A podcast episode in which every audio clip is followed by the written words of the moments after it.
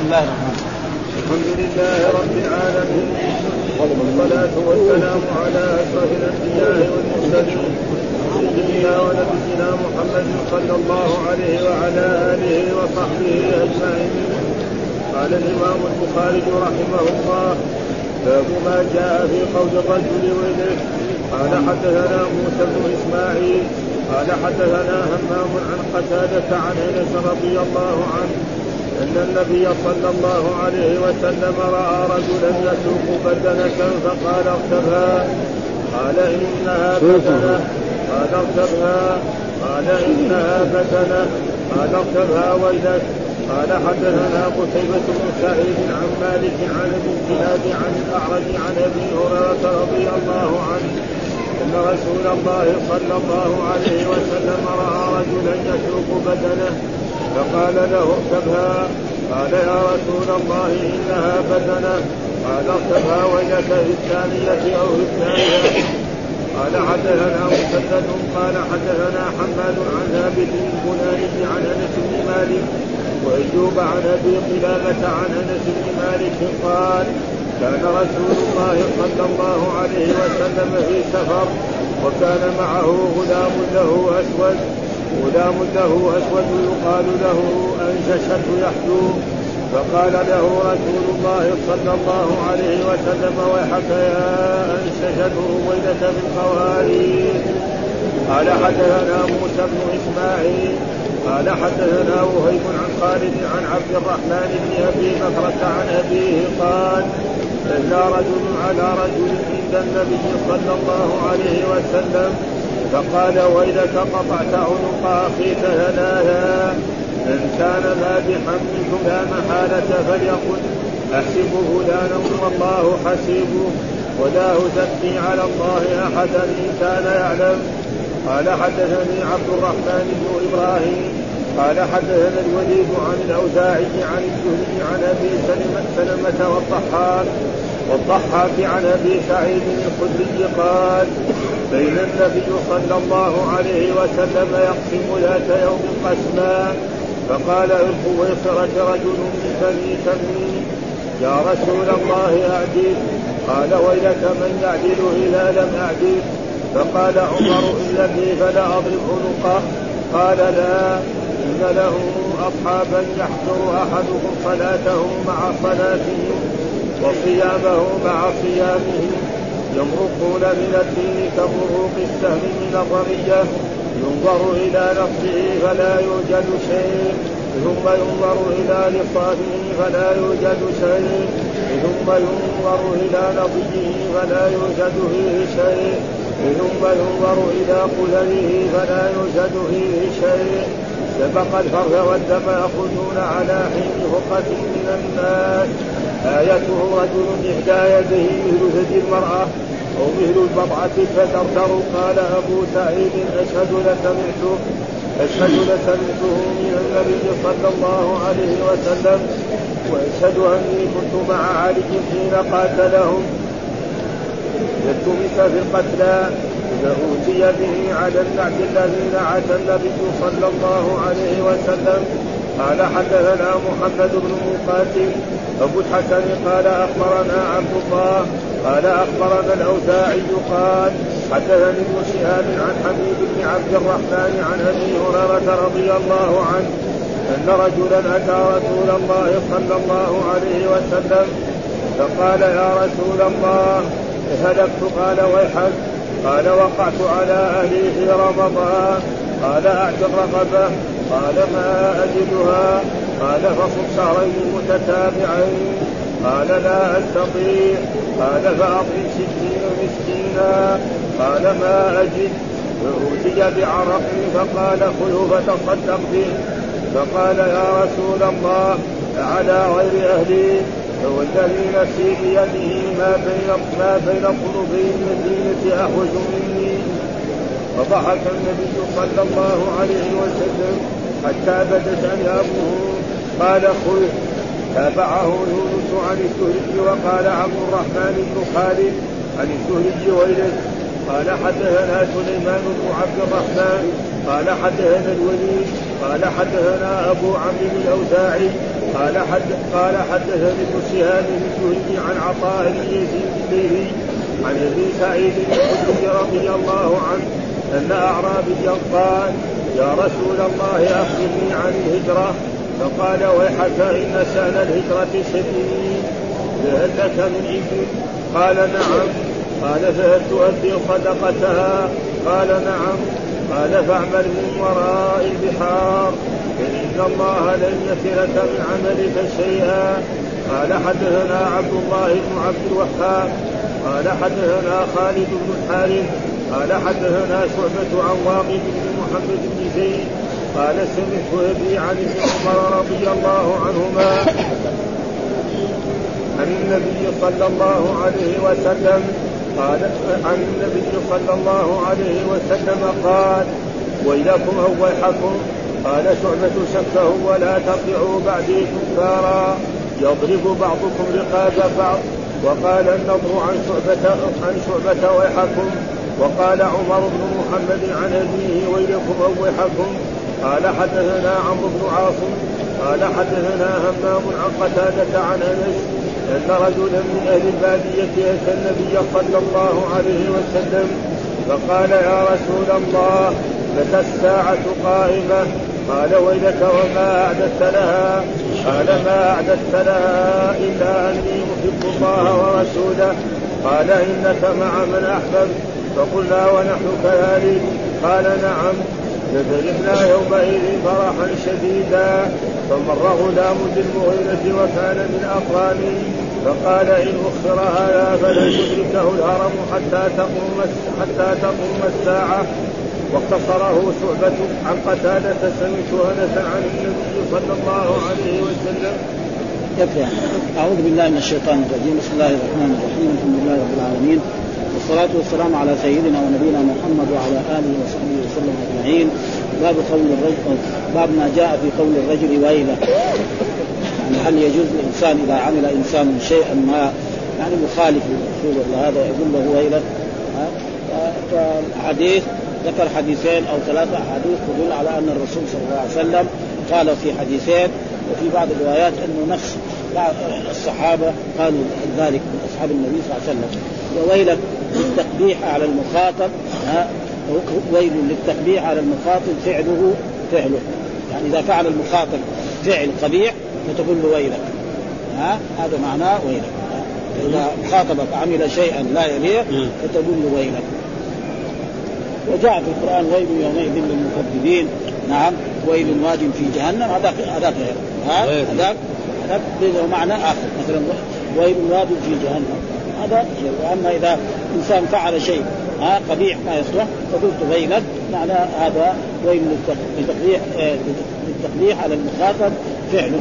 أي مخاطب يفعل شيء لا يليق له فتقول له ويلك وهذا تقريبا وأما ويح فهي كلمة ترحم. يعني في مرات يقول له ويح فلان فهذه إيه فرح يعني كأنه إيش؟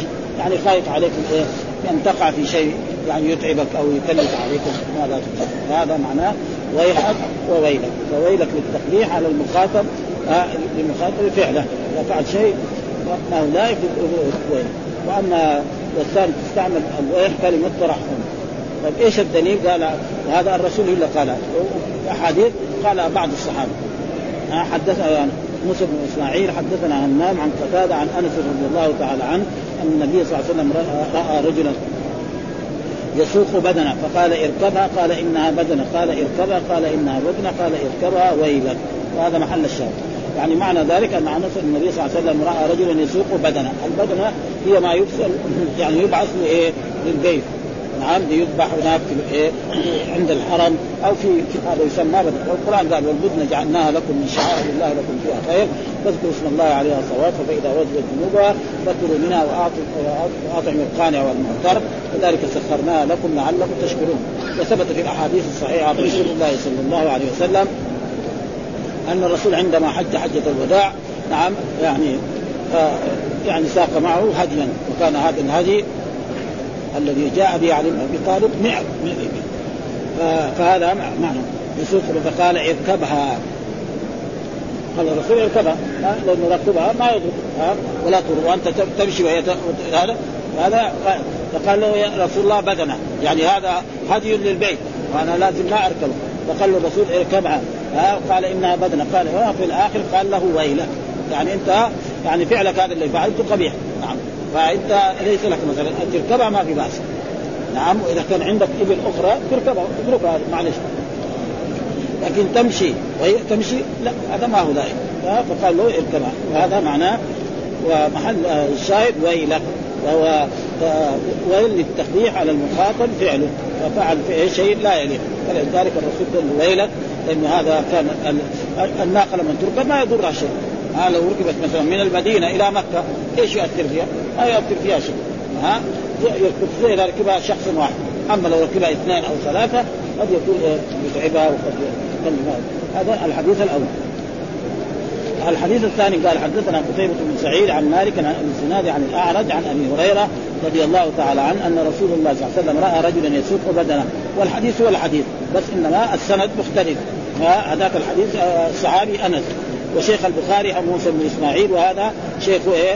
قتيبة بن سعيد والصحابي قال رجلا يسوق قال اركبها قال يا رسول الله انها بدر قال اركبها قال ويلك ها في الثانية أو في الثالثة. ومعنى تقبيح آه المخاطب الفعل الذي فعله فإنت لازم إيه؟ تركب هذه إذا تسوقها هذا لا يليق.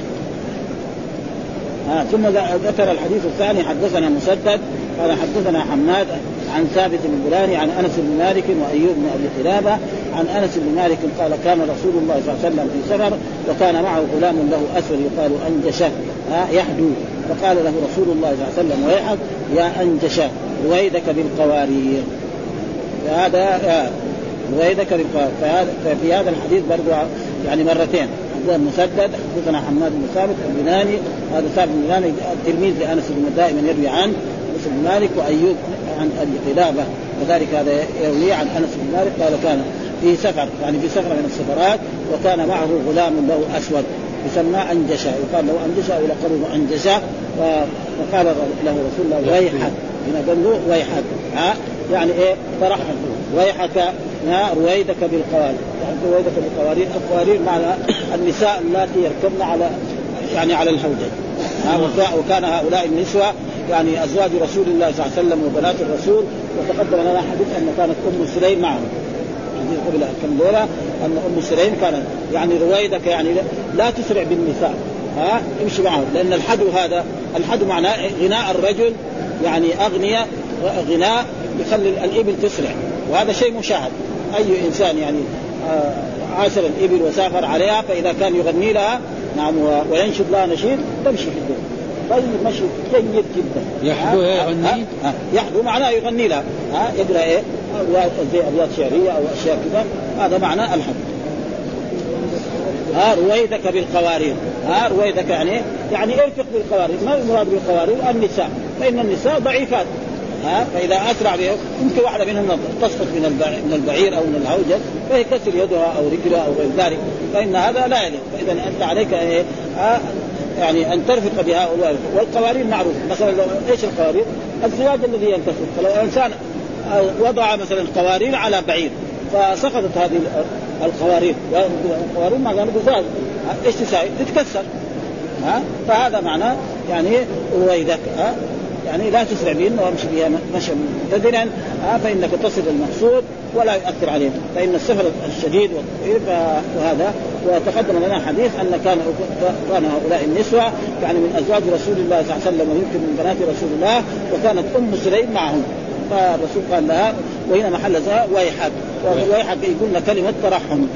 ويحاء كلمة يعني ارحم هؤلاء النساء اللاتي يركبن على الهودج وأن تسرق بهن فلا تسرع بهن بل امشي بهن مشقا بطيئا ولا تكسر كذلك من من الحدو. فان الحدو هذا يجعل الإبل تسرع وتسير سيرا يعني لم تسير في في, النهار. لو ما في هذه الحدو هذا يمكن ما تصير. وهذا شيء مشاهد كل الإبل وأهل الإبل يفعلون. حتى كذلك الآن في عصرنا هذا رأينا كان في بعض البلاد لما كانت السيارات.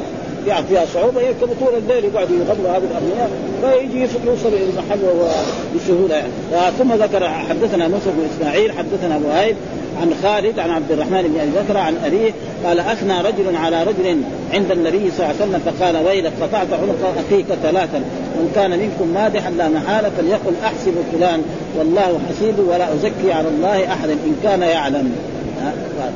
يعني فيقول حدثنا موسى بن إسماعيل عن أبي بكر عن ابي قال أثنى رجل على رجل. يعني رجل أثنى على رجل قال هذا رجل طيب هذا رجل صالح رجل كذا كذا كذا أو رجل غني أو رجل كريم أو رجل جواد. يعني أمثال.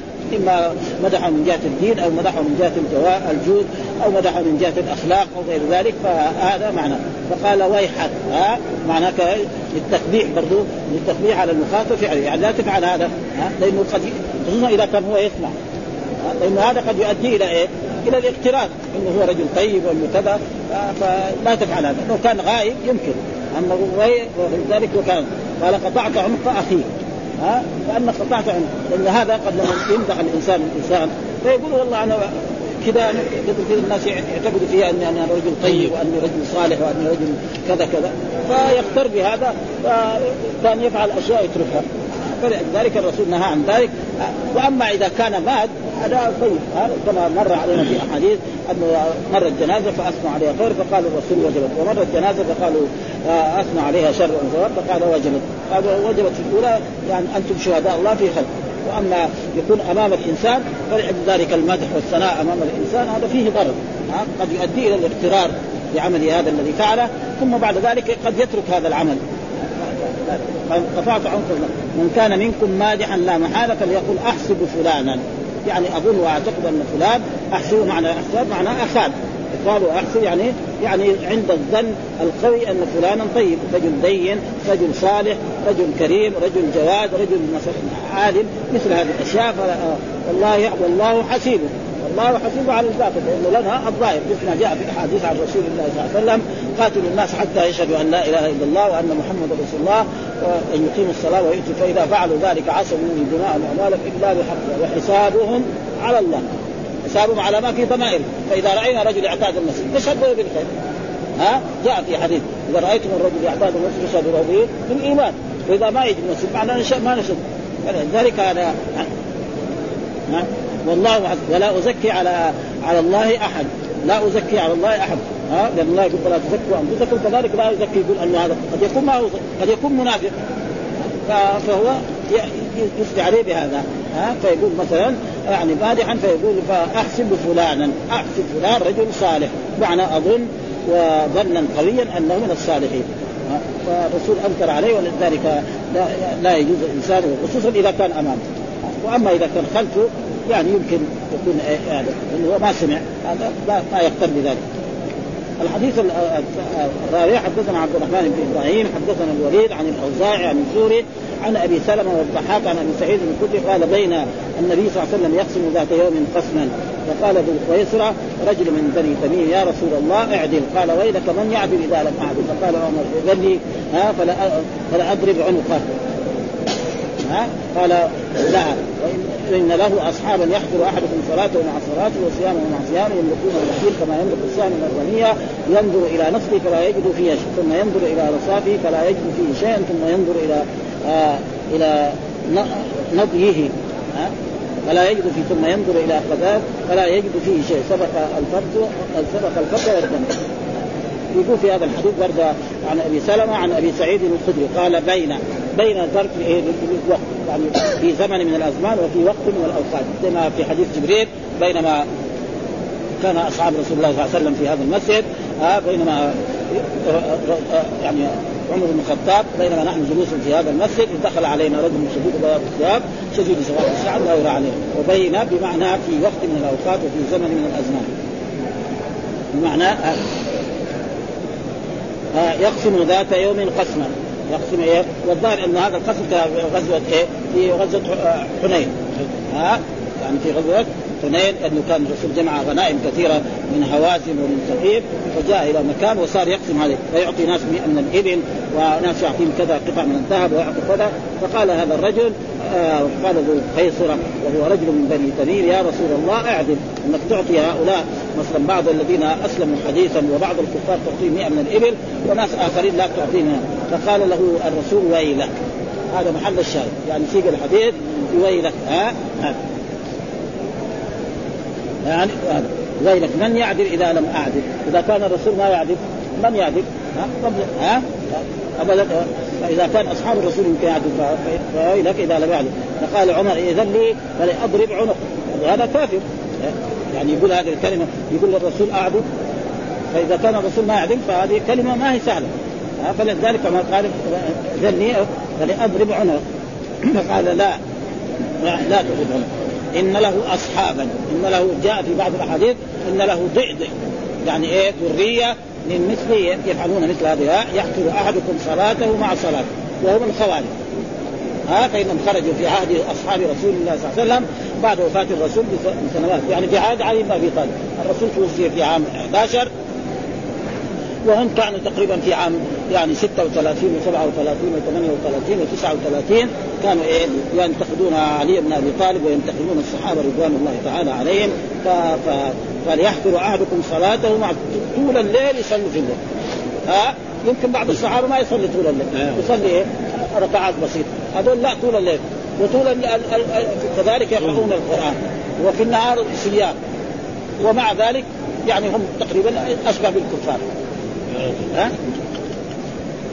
هذا فقال مع صلاة وصيامه مع صيام. يمرقون من الدين كما يمرق السهم من الرمية. يعني يمرقون يعني يخرجون من الدين الإسلامي ولا يخرج السهم من الرمية. فإن السهم دحين لما واحد يحط السهم ويرمي به يخرج يروح يضرب هناك ويخرج السهم ويبقى إذا كان حيوان غزال. ها؟ يضرب الغزال ويخرج إلى جهة. إذا كان طائر يضرب الطائر ويخرج إلى جهة. هذا معناه فهم يمرقون من الدين الإسلامي إلى غير الدين الإسلامي الصحيح وهم على كل حال من الفرق الإسلامية التي أخبر بها رسول الله صلى الله عليه وسلم فإنه جاء في أحاديث كثيرة عن رسول الله صلى الله عليه وسلم انه يعني افترقت اليهود على 71 فرقة وافترقت النصارى على 72 فرقة وستفترق هذه الأمة على 73 فرقة كلها في النار إلا واحدة. قالوا من هي يا رسول الله؟ قال من كان على مثلنا أنا عليه وأصحابي يعني في الدين ها؟ وهذه الفرق يعني بعضهم قد يكون كفار وبعضهم يكون إيه؟ أهل بدع. وهذا موجود الآن الفرق هذه مثل هذه. ها؟ ها؟ نعم ها؟ ها؟ فرق موجودة مثل هذه الفرق. يعني و و والعدد لا قد لا يراد. ها؟ قد يكون أكثر من ذلك. لأنه دائما الرسول يقول مثلا بعض الأشياء كذا. مثلا قال الإيمان بضع وسبعون شعبة. يعني ما تزيد عن بضع وسبعون شعبه لا ها؟ وكثير الرسول يذكر أشياء. قال جاء في حديث عن الرسول صلاة الجماعة تفضل على صلاة المنفرد ب 27 في مرة ب 23 مثلا جاء في الحديث صلاة في مسجد هذا خير من ألف صلاة المسجد الحرام. فهذا تقريبا يعني فيملكون من الدين كما يملك السهم من الرمية ينظر إلى نصله فلا يجد فيه شيء. ها؟ النصر معناه يعني الذي رمى به. ها؟ ثم ينظر إلى رصافه. فلا يوجد في شيء. والآن ما شرحها لنا. وهي كلها يعني من السام لأن السام فيه إيه؟ فيه الرصاف وفيه النصر وفيه كذلك هذا. ها النقية ها؟ كل هذه من من انواع السام لأن السام يكون إيه؟ هكذا ويكون مثل شبه قوس. فلما يضرب به ها في مثلا الحاد. الشيء الحاد هذا هذا تقريبا سام ولا من تحته هذا الخشبة ولا هذا يعني ف هذا. يعني دحين ما, ما ليه؟ لأن الحافظ شرحها أول. ونحن الحين بس تقريبا. وهي كلها تتعلق بالسهم وهذا موجود مثلا. لما يرمي بالسهم يروح السهم يخرج هناك. ها؟ فمثلا ما يجد لا يجد على على السهم اللي خرج ما يجد عليه دم. ها ولا يجد على مثلا كذلك الخشبه اللي تحتانية هذه. ما يجد عليها دم. ولا يجد عليها كذلك الرفث مثلا البعر حتى. ما يخرج من روث الحيوان إذا كان غزال أو أو شاة أو غير ذلك. هذا معنى قال سبق الفرد سبق الفرد والدم. لأن الفرد والدم لأن الواحد لما يضرب شيء مثلا حي أول الدم يخرج. فهذا السهم يخرج أول وبعد ذلك إن كان يخرج الدم ويخرج الرفث بعدين.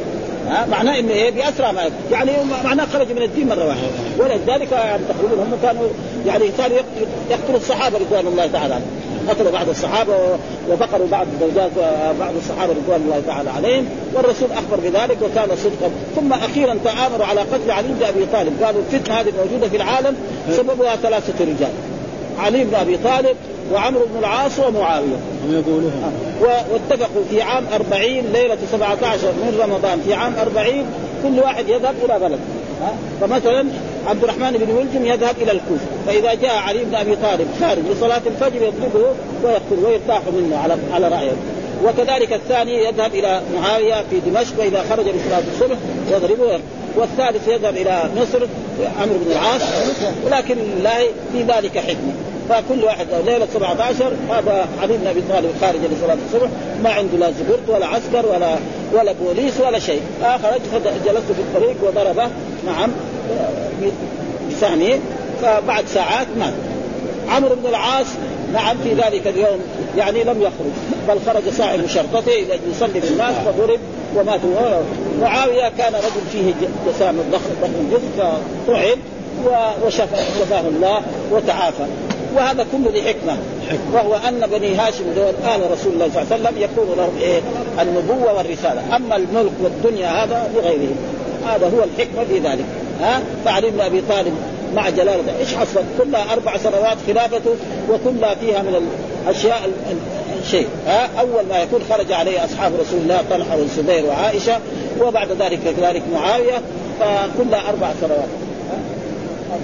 وهذا كله لحكمة والرسول أخبر. الخلافة بعدي ثلاثون. ثم يكون ملكا عضودا صدق رسول الله صلى الله عليه وسلم الذي لا ينطق عن الهوى فإن علي بن أبي طالب قتل في عام أربعين. ومعاوية ومن معه هذا هذا الملوك دول ها؟ يكفي عمر كان يمشي في الشارع وحده ولا عنده عسكري ولا شيء يروح مثلا يجي البريد ما يحصل فين يقول والله خرج يروح يدوروه يتقوا تحت شجرة حاطط له حجر متوسطة. الآن في زمان معاوية ما يقدر يسوي هذا. لو يقعد في الشارع يمكن يقتل. ها؟ حتى إذا راح الجمعه يصلي لازم هناك حرس يحفظوه ليه؟ لأن هذه وهذا معناه يعني على فرقة آيتهم آيتهم يعني علامتهم. كيف تعرف الخوارج؟ آيتهم يعني على رجل إحدى يديه مثل ثدي المرأة. يعني إحدى يديه واحد إما اليمين أو اليسار مثل ثدي يعني كده. صغيرة جدا. أو مثل البضعة. يعني قطع يعني من اللحم. ها تدردر وكمان يعني ما هي متصلة يعني ما فيها أصابع يعني كنايه عن قطعة لحمه كده معلقة في إيه؟ في إحدى يديه. ها قال أبو سعيد أشهد لسمعته من رسول من النبي صلى الله عليه وسلم وأشهد اني كنت مع علي حين قاتلهم فالتمس في القتلى. ها لما علي قاتل يعني في وقعة صفين نعم أو قاتل قاتل الخوارج ومن قاتل الخوارج لأنه قاتلهم عدة مرات نعم فأتي به على النعت الذي نعت النبي صلى الله عليه وسلم. يعني وجد هذا الرجل إحدى يديه يعني فيه كذا يد صغيرة جدا لا أو كقطعه من اللحم كذا صغيرة لاصقة بايه؟ باليد وصدق رسول الله صلى الله عليه وسلم لأنه لا ينطق عن الهوى إن هو إلا وحي يوحى. ومحل الشاهد هو الذي يعني الذي قال ويلك ها؟ يعني ويلك من يعدل؟ إذا كان رسول الله يعدل في أحد يعدل؟ حاشا ابدا ها؟ وهذه كلمة عظيمة جدا. إذا قال الإنسان قد يؤدي الكل ولذلك عمر بن الخطاب أراد أن يضرب عنقه.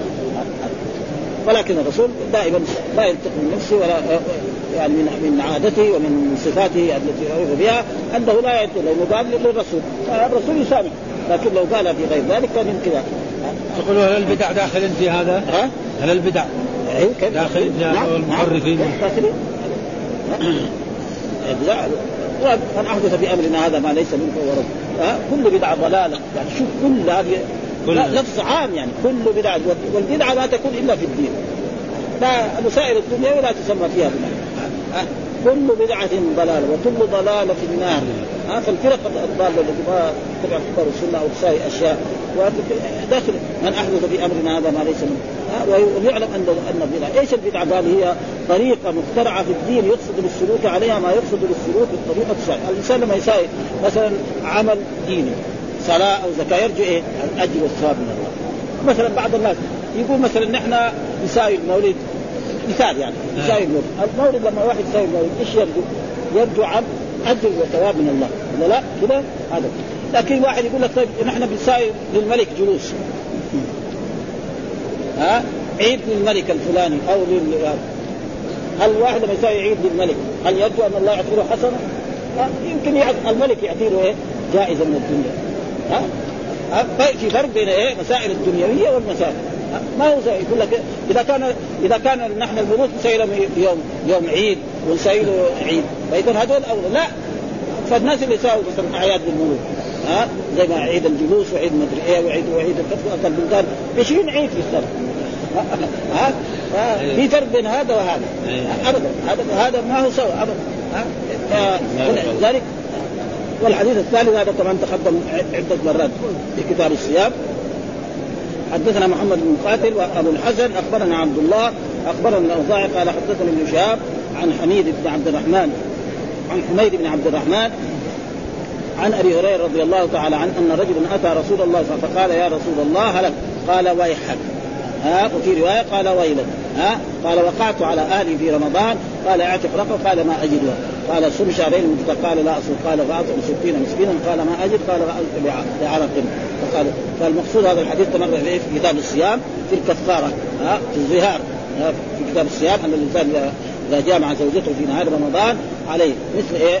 آه كفارة الظهار ها هن الذين يعودون لما قالوا فتحرير رقبة من قبل أن يتماس ذلك توعدون به.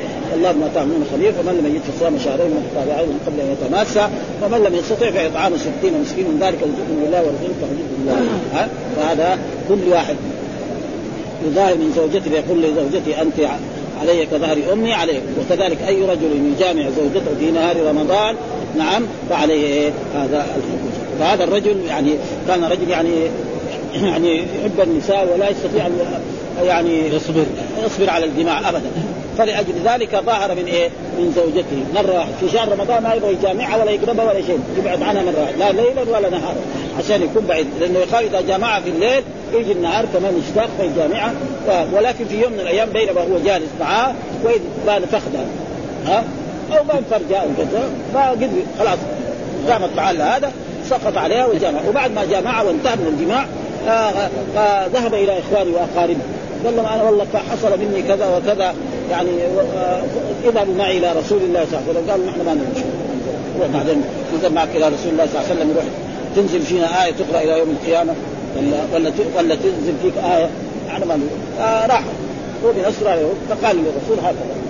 أنا فعلت كذا وهلكت.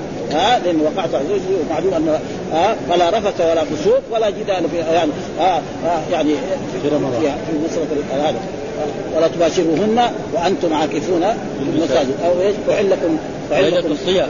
ليلة الصيام. الرفث إلى نسائكم هن لباس لكم وأنتم لباس لهن علم الله أنكم كنتم تختانون أنفسكم وتاب عليكم وعفى عنكم. فالآن باشروهن وابتغوا ما كتب الله لكم. وكلوا واشربوا حتى يتبين لكم الخيط الأبيض من الخيط الأسود من الفجر هذا هو محل الشاهد. ها؟ فلما راح إلى الرسول وقال له هذا الكلام قال الرسول اعتق رقبه وفي بعض الروايات الأحاديث قال أنا ما اجد رقبة إلا رقبته ما عندي رقبة. فقير مسكين قال طيب صوم شهرين متتابعين. شهرين هو يوم ما صام. اذا كان يوم ما قدر يصبر شهرين متتابعين. هذا يكون أشد عليه. قال لا أصل قال فأطل ستين. قال لا أجد. يعني رجل فقير فأتي بعرق. العرق معناه زنبيل. ها؟ فيه 15 صاعا يعني هذا هو العرق. سماه زنبيل أو مكتل فيه 15 صاع خذوا وتصدق قال يا على غير أهلي فهو الذي نفسي بيده ما بين طنبي المدينة. يعني ما بين حرتي المدينة ناس أخرجوا لهذا التمر منه. فأخذه فقال الرسول خذه. نعم فضحك النبي حتى بدت انيابه قال خذ حتى بدت انياب معناها ضحكة عريضة. لأن الانياب بعد إيه الثنايا وهذا والأدراس كمان وحتى فمعنى ضحك. وهذا فيه دليل على أن الذي لا يستطيع الكفارة تسقط عنه. يعني استدل بعض العلماء على أن من لا يستطيع الكفارة إيه؟ تسقط عنه. ولو كان تلزم عليه كان الرسول يقول له لأنه يمكن يصير غني كم من فقير ما عنده ولا قرش بعدين صار يتحدث بالملايين. في زمننا قديما وحديث حتى الصحابة رضوان الله تعالى عليهم ذكر يعني عنهم بعض الصحابة الذي كان يروح يشتغل بربع صاع ها؟ ويقول بعد ذلك صار عنده من الدراهم ومن الدنانير الشيء الكثير. فكان فهذا دليل على أنه العاجز عن عن الكفارة تسقط عنه. ها؟ وهناك من يقول لا إذا وسع الله عليه وصار عنده ها؟ يؤدي والكل له يعني خمسه ثياب ها؟ تبقى في الذمة يعني. بعضهم يقول كذا تبقى في الذمة. ولكن هنا ليش يقول ما تبقى؟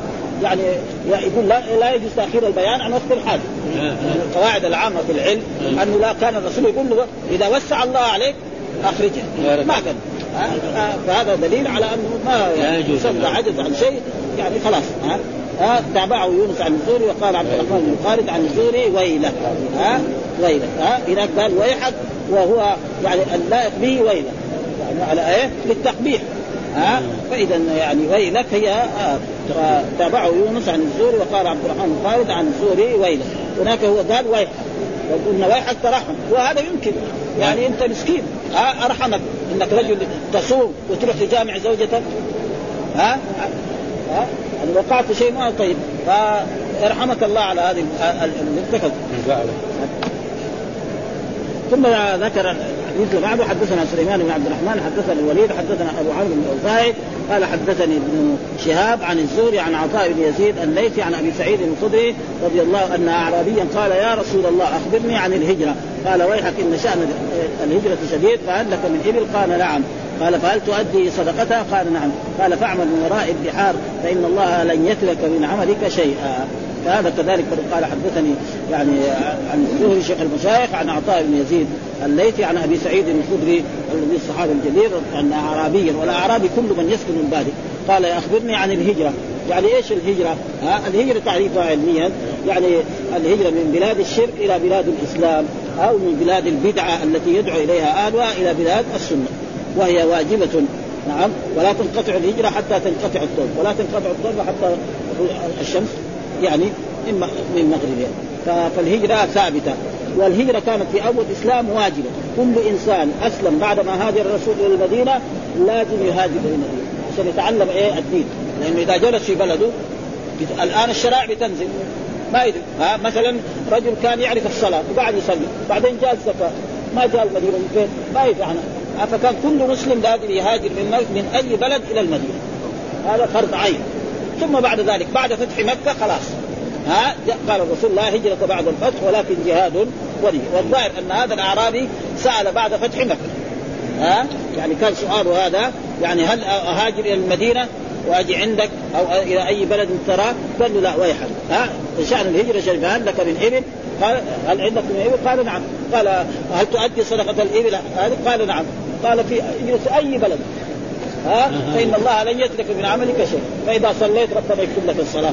إذا أديت الزكاة كذلك. إذا عملت أي من افعاله لن ينقصك من أجرك شيء. في أي بلد اجر ولذلك لا تلزم الهجرة. يعني إلا من بلاد كفر ويكون هؤلاء الكفار كذلك يدعو يعني الناس إلى إلى الكفر. أو يكون ما, يظهر دينه. لكن ما يقدر يظهر دينه. ولكن الآن أصبحت في أشياء أسباب يعني دولية. ما يخلوا الإنسان. ها؟ ها؟ ها؟ في اشياء دوليه جعلت جعلت الاقتصاد يعني لو جاء هاجر ولا هذا ما ما يريحوا ابدا ابدا. أشياء دوليه وإلا كان لازم كان البلاد يعني زي ما كان في أول الإسلام. أي مثلا أي إنسان نعم في أي بلد بلاد إسلامية يذهب إلى أي بلاد إسلامية. ها؟ كما كان يعني عمر بن الخطاب رضي الله تعالى عنه كان أمر إيه؟ أي إنسان يظلم في أي بلد من البلدان نعم دغري. إذا جاء وقت الحج يركب بعيره أو فرسه ويسافر ويجري عمر بن الخطاب في المدينة أو في مكة ويشتكي الأمير. إذا اشتكى الأمير الامير آه عمر يرسل إلى الأمير هذا ويحضره. مثل ما حصل يعني كان هكذا. ولكن هذه أشياء ثم ومحل الشاهد فاعمل من وراء البحار فإن الله لن يترك آه لن يترك من عملك شيئا. يعني لن ينقصك منه فإذا تصدقت أعطاك الأجر. ها؟ الحسن بعشر امثال إلى 700 ضعف. وكذلك إذا عملت عمل خير وإذا صليت وإذا صمت وإذا حجزت وإذا عملت أي من أعمال الخير. ثم قال حدثنا عبد الله بن عبد الوهاب حدثنا خالد بن الحارث حدثنا شعبة عن واحد بن محمد بن زيد قال سمعت أبي عن ابن عمر رضي الله تعالى عنهما عن النبي قال ويلك أو ويحك قال شعبة شك هو لا ترجع بعدي كفارا يضرب بعضكم رقاب بعض. يقول في هذا الحديث أن الرسول قال ويلكم أو ويحكم يعني لأصحابه. فقال لأصحاب لا ترجعوا بعدي كفار يضرب بعضكم به لما الرسول خطب عدة خطب في حجة الوداع. يعني عدة خطب في حجة الوداع يعني خطب يمكن أربع خطب. أول خطبة خطبها يعني يوم سبعة يوم آه يوم سبعة من الايه من ذي الحجة. وخطب خطبة في عرفة. وخطب خطبة يوم النحر. وخطب خطبة في, في يوم الثاني من أيام النحر. هذه كانت خطب رسول الله صلى الله عليه وسلم وكان في جملة هذه الخطب التي خطبها في هذا لا ترجعوا. ها يعني أيها المسلمون لا ترجعوا بعد كفارا يضرب بعضكم رقابا وجاء في هذه إن أموالكم ودماءكم أموالكم وأعراضكم حرام عليكم كحرمه يومكم هذا في شهركم هذا في بلدكم هذا وأوصل آه، بالنساء خيرا. إلى غير ذلك من الآية فكان لا ترجع بعد كفارا يضرب بعضكم والرسول حذر أمته من هذا. والأمة الموجودة في العالم كلها الآن أمة الرسول صلى الله عليه وسلم سواء شاءوا أم أبوا. بس انما انقسم إلى قسمين أمة دعوة وأمة إجابة. فأمة الإجابة هم الذين شهدوا أن لا إله إلا الله وأن محمد رسول الله وأمر الله وأمر رسوله هذه أمة الإجابة. والذين لم يرفعوا رأسا لما جاء به رسول الله صلى الله عليه وسلم هذه أمة دعوة فجميع الأمة الموجودة الآن في في العالم في القارات السبعة أو الستة دي كلهم أمة محمد صلى الله عليه وسلم. يبغى ولا ما يبغى فأي واحد يقول أنه أمة موسى أو أمة عيسى كلام فارغ. ها؟ لو كان موسى حي لازم يتبع الرسول محمد صلى الله عليه وسلم. والله ذكر هذا. واذا أخذنا من النبي وإن أخذ الله ميثاق النبيين لما أتيتكم من كتاب وحكمة ثم جاءكم رسول مصدق لما معكم لتؤمنن به ولا تنصرن قال أقررتم وأخذتم على ذلكم إصري؟ قالوا أقررنا. قال فاشهدوا وأنا معكم من الشاهدين. ابدا هذا لازم يفهم الناس ولكن مع الأسف الناس ما هم فاهمين هذه. بل يقولوا الأديان السماوية ثلاثة. الدين الإسلامي واحد والدين اليهودي واحد والدين النصراني ثلاثة. يبغى يصير يهودي يصير يهودي يبغى يصير نصراني يصير نصراني. هذا كلام فارغ ابدا. ها ابدا. ها ومحل الشاهد ويلكم وهذا هو اللائق يعني. ها وقال شعبة شك ها وقال قال شعبة شك شك. هو لا ترجع بعد كفار يضرب بعضه. وقال النضر عن شعبة ويحكم. وقال عمر بن محمد عن أبيه ويلكم أو ويحكم. يعني حصل إيه؟ وصحيح أنها ويلكم هي اللائقة بإيه؟ أو كذلك ويحكم يمكن. ها يعني يترحم عليك انه فعلت ثم ذكر الحديث الأخير حدثنا عمرو بن عاصم حدثنا همام عن قتادة عن أنس أن رجلا من أهل البادية أتى النبي صلى الله عليه وسلم فقال يا رسول الله متى الساعة؟ ها قائمة. قال ويلك وما اعددت لها؟ قال ما اعددت لها إلا أني احب الله. وقال إنك مع من أحببت. فقلنا ونحن كذلك قال نعم ففرحنا فرحا يومئذ فرحا شديدا فيقول في هذا الحديث أن رجلا من أهل الباديه والباديه الذي يسكن إيه؟ في الصحراء يكون مع الإبل أو مع الغنم أو غير ذلك أتى النبي فقال يا رسول الله متى الساعة؟ متى يعني القيامة؟ قال ويلك ما عادت لها الرسالة إيش إيش عندك؟ يعني عادت لها الساعة شأنها عظيم ها؟ قال ما عادت لها إلا أني أحب الله ورسوله هذا الشيء اللي أنا احب الله ورسوله. أما شيء يعني زايد قال إنك مع من أحببت. وهذا فيه إيه؟ معية. يعني والمعية لا تلزم من ذلك أنه يكون مع الرسول في منزلته لا. ها؟ ولا منزلة أبي بكر ولا عمر. يعني يدخل الجنة. هذا معنى. ها؟ معية خاصة. معية عامة. ها؟ يعني يدخل الجنة إن شاء الله. ولكن كونه إذا قال مع الرسول ها؟ يعني يصير مع الرسول في منزلة الرسول. لا. ها في منزلة أبي بكر الصديق في منزله الصديقين لا إنما مآلك إن شاء الله إلى الجنة. تدخل ما دام أنت تحب الله وتحب الرسول وما عندك أعمال يعني كثير لكن ها فقلنا ونحن كذلك. قلنا كذلك نحن يا رسول الله. إذا كان كذا يعني كنا نحب الله ورسوله فقال نعم الرسول ها ففرحنا يومئذ فرحا شديدا. ما دام نحن نحب الله ورسوله وكل مسلم يحب الله ورسوله ها فمر غلام للمغيرة ها وقال المغيره وكان من أقراني. الصحابي الذي هو يعني أنس أنس معلوم أنه يعني كان صغير لأن الرسول لما توفي عمره تقريبا يعني 21 سنة يعني داخل في 21 لأنه لما هاجر الرسول كان عمره 10 سنوات ولما توفي الرسول يكون عمره إيه؟ يعني دخل تمم ال 20 وداخل في الإيه؟ في 21 سنة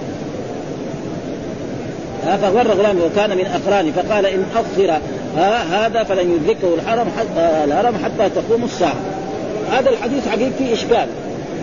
فهم ها؟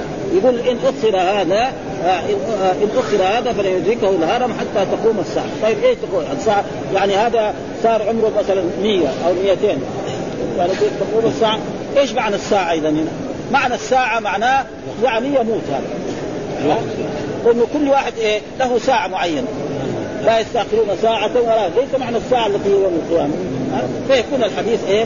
وقد قال مرة من المرات الرسول صلى الله عليه وسلم في هذا يعني في آخر حياة الرسول صلى الله عليه وسلم إن هذه ليلتكم هذه نعم لا يبقى مئة سنة أحد من الموجودين حي. يعني ها؟ وذكر الرسول هذا. بعض الناس فهموا إيه؟ إنه يعني يوم القيامة يقول إيه؟ بعد 100 سنة من إيه؟ نهار ما تكلم به الرسول صلى الله عليه وسلم. وهذا غلط كثير من الناس. حتى بعض الناس الذي ما هم علماء ولا هم من علماء الحديث تدخل في هذا. يعني كنا رأينا كتاب لأحمد أمين، أحمد أمين رجل أديب مصري. ها له كتب كثير فجر الإسلام وضحى الإسلام إيه. قال هذا قام يطعن في إيه؟ في البخاري. قال لاصحابه في آخر عمري ارايتم أرأيتكم ليلتكم هذه؟ فإن على رأس مئة سنة منها لا يبقى على وجه الأرض ممن هو اليوم عليها أحد. ها؟ وبالفعل ما كان اخر من مات من أصحاب النبي صلى الله عليه وسلم يعني يقول أبو الطفيل. ها؟ أبو الطفيل هذا كان اخر من مات من أصحاب النبي صلى الله عليه وسلم أبو الطفيل عامر بن وائله هذا اخر من مات يعني بعد من الصحابة. يقول الصحابة والتابعين حتى كان اخر من مات من الصحابة. هذا تقريبا آخر. فيقول فيها أرأيتكم؟ ليلتكم هذه فإن على رأس مئة سنة منها لا يبقى على وجه الأرض من هو اليوم عليها أحد. وكان جماعة من أهل ذلك العصر يظنون أن المراد أن الدنيا تنقضي بعد مئة سنة. فلذلك قال الصحابي فوهل الناس فيما يتحدثون من مئة سنة وإنما أراد بذلك انخرام قرنه. ها؟ قرن الرسول ينتهي لأن جاء في الحديث خير القرون قرني. ثم الذين يلونهم ثم الذين يلونهم. وفي رواية ثم الذين يلونهم أربع قرون. ها أشار بذلك عياض ووقع في البخاري كذلك ها فلم يبق ممن كان موجودا عند مقالته تلك عند استقبال 100 سنة من سنة موته أحد. وكان آخر ما مر النبي صلى الله عليه وسلم موتا أبو الطفيل عامر بن وائلة كما ثبت في صحيح قال الإسماعيلي بعد أن قرر أن المراد بالساعة ساعة الذين كانوا حاضرين عند النبي صلى الله عليه وسلم وأن المراد موتهم وأنه أطلق على يوم موتهم اسم الساعة ها بإفضائه بهم إلى أمور الآخرة ويؤيد ذلك أن الله استأثر بعلم وقت قيام الساعة العظمى كما دلت عليه الآيات والأحاديث. ها يسألك الناس عن الساعة فإنها علمها عند الله وما يدريك العلم وجبريل لما سأل الرسول عن الساعة قال ما المسؤول عنها بأعلم من السائل فإذا ليس الساعة التي هي مكفاة هذا كلام سليم. ها؟ ليس معناه كل ساعة. إحنا نسمي آه، حديدا سميناها ساعة. نحن ساعة ها؟ ها؟ ابدا معنى؟ فليس يعني الساعة بدغري ما تطلق إلا على يوم القيامة. فالإنسان إذا مات خلاص هذاك هذاك ساعته حتى تكون الساعة مبالغة تقريب قيام الساعة لا التحديد كما قال في بعثت أنا والساعة كهاتين ولم يرد أنها تقوم عند بلوغ آه، آه، المذكور الهرم. قال وهذا عمل شائع العرب يستعمل المبالغة عند تفخيم الأمر وعند تحقيره وعند تقريب الشيء وعند تبعيده فيكون حاصل المعنى أن الساعة تقوم قريبا جدا. فلذلك أتى باللفظ الماضي أتى أمر الله واقتربت الساعة وغير ذلك. وبهذا الاحتمال الثاني جزم بعض شراح المصابيح واستبعد بعض الشراح المشارف وقال الداوودي المحبوب أنه صلى الله عليه وسلم قال ذلك للذين خاطبهم بقوله تأتيكم الساعة. يعني بذلك موتهم. لأنهم كانوا أعرابا فخشي أن يقول لهم لا أدري متى الساعة. فيرتابوا ها وكلمهم بالمعارض ناس أعراب. يقول لهم ما أدري. يقولوا كيف النبي ما يعرف؟ عامل. ما عرف القرآن. أن الله ذكر إنه بعد إن الله عنده علم الساعة وينزل فهذه معارض. زي ما الرجل لما رجل مثلا قال إن يعني سبعين ألف يدخلون الجنة بغير حساب ولا عقاب. قال عكاشة ادعو الله أن يجعل قال أنت منهم. الثاني قال كمان ادعو الله ظل سبقك بها عكاشة. خلاص سبقك بها عكاشة. لو قال له أنت ما تستحق. قل ليش يا رسول الله ما أستحق؟ ليه عكاشة يستحق وأنا ما أستحق؟ أنا كافر أنا مشرك أنا ضال. أما سبقك بها عكاشة خلاص سكت. قبل هذا الجواب. وهذا هذا المعارض كثير المعارض يعني لها فوائد جدا. ها والحمد لله رب العالمين. وهذا يعني تقريبا يعني وصلى الله وسلم على نبينا محمد وعلى آله وصحبه وسلم.